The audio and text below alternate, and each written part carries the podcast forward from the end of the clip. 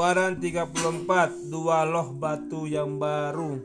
Berfirmanlah Tuhan sama Musa Pahatlah dua loh batu sama dengan yang mula-mula.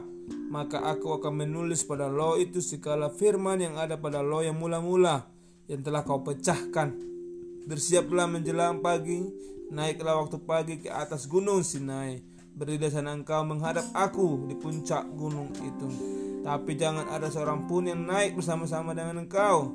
Juga seorang pun tidak boleh kelihatan di seluruh gunung itu. Bahkan kambing, domba, lembu sapi tidak boleh makan rumput di sekitar gunung itu. Lalu Musa menahat dua loh batu sama dengan yang mula-mula Bangunlah ia pagi-pagi naik ke atas gunung Sinai Seperti diperintahkan Tuhan kepadanya. Dan membawa kedua loh batu itu di dua tangannya harus turunlah Tuhan dalam awan lalu berdiri di sana dekat Musa serta menyerukan nama Tuhan. Berjalanlah Tuhan lewat dari depannya dan berseru Tuhan Tuhan Allah penyayang dan pengasih panjang sabar berlimpah kasih dan kasih setianya. Yang meneguhkan kasih setianya kepada beribu-ribu orang yang mengampuni kesalahan pelanggaran dan dosa. Tapi tidaklah sekali-sekali membebaskan orang yang bersalah dari hukuman. Yang membalas kesalahan bapa kepada anak-anaknya cucunya kepada keturunan yang ketiga dan keempat. Segeralah Musa berlutut ke tanah, lalu sujud menyembah serta berkata, Jika aku mendapat kasih karunia di hadapanmu ya Tuhan, berjalanlah kiranya di tengah-tengah kami, sekalipun bangsa ini bangsa yang tegar tengkuk, tapi ampunilah kesalahan dan dosa, dosa kami, ampunilah kami, ambillah kami menjadi milikmu, dibilang firmannya sungguh aku akan mengadakan suatu perjanjian di depan seluruh bangsamu ini. Akan kulakukan perbuatan-perbuatan yang ajaib seperti yang belum pernah dijadikan di seluruh bumi. Di antara segala bangsa seluruh bangsa tengah-tengahmu engkau diam akan melihat perbuatan Tuhan. Sebab apa yang akan kulakukan dengan engkau sungguh-sungguh dahsyat. Tetapi engkau berpeganglah pada yang kuperintahkan kepadamu pada hari ini. Lihat Aku akan menghalau dari depanmu orang Amori, orang Kanaan, orang Het, orang Peris, orang Hewi, dan orang Yebus. Berawas-awaslah, jangan kau adakan perjanjian dengan penduduk negeri kau datangi itu, supaya jangan mereka menjadi jerat bagimu di tengah-tengahmu. Sebaliknya, misbah-misbah mereka harus kamu rubuhkan, tugu-tugu berhala mereka kamu remukkan, dan tiang-tiang berhala kamu tebang. Sebab janganlah engkau sujud menyembah kepada Allah lain karena Tuhan yang namanya cemburuan adalah Allah yang cemburu Janganlah engkau sampai mengadakan perjanjian dengan penduduk negeri itu. Apabila mereka pernah dengan apabila mereka berzina dengan mengikuti Allah lain dan mempersembahkan korban Allah mereka maka mereka akan mengandung engkau dan engkau akan ikut makan korban sembilan mereka.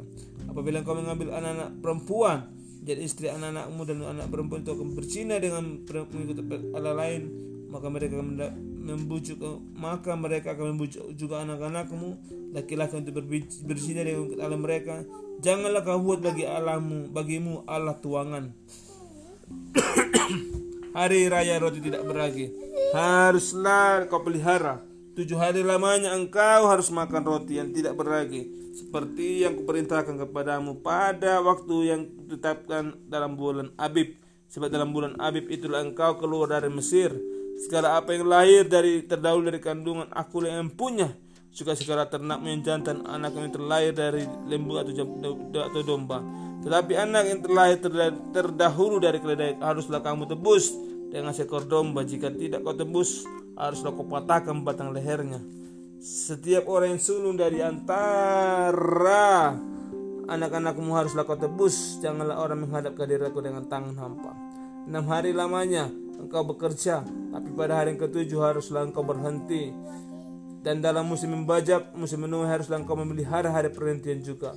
Hari raya tujuh minggu, hari raya bungaran, dari penuaian gandum haruslah kau rayakan. Juga hari raya pengumpulan hasil pada pergantian tahun. Tiga kali setahun segala orang laki-laki harus menghadap ke hadirat Tuhan Allah Israel. Sebab aku akan menghalau bangsa-bangsa dari depanmu dan meluaskan daerahmu dan tiada seorang pun akan mengingini negerimu apabila engkau pergi menghadap hadirat Tuhan Allahmu tiga kali setahun. Janganlah darah korban sembelihan yang kepada aku kau persembahkan beserta semua sesuatu yang beragi. Dan jangan ada dari korban sembelihan pada hari raya Paskah bermalam sampai pagi. Yang terbaik dari buah bunga haruslah tanahmu. Haruslah kau bawa ke dalam rumah Tuhan Allahmu. Jangan kau masak anak kambing dalam susu induknya Berfirmanlah Tuhan kepada Musa, tuliskanlah segala firman ini sebab berdasarkan firman ini telah kuadakan perjanjian dengan engkau dan dengan Israel. Dan Musa ada di bersama-sama dengan Tuhan. 40 hari 40 malam lamanya tidak makan roti dan tidak minum air.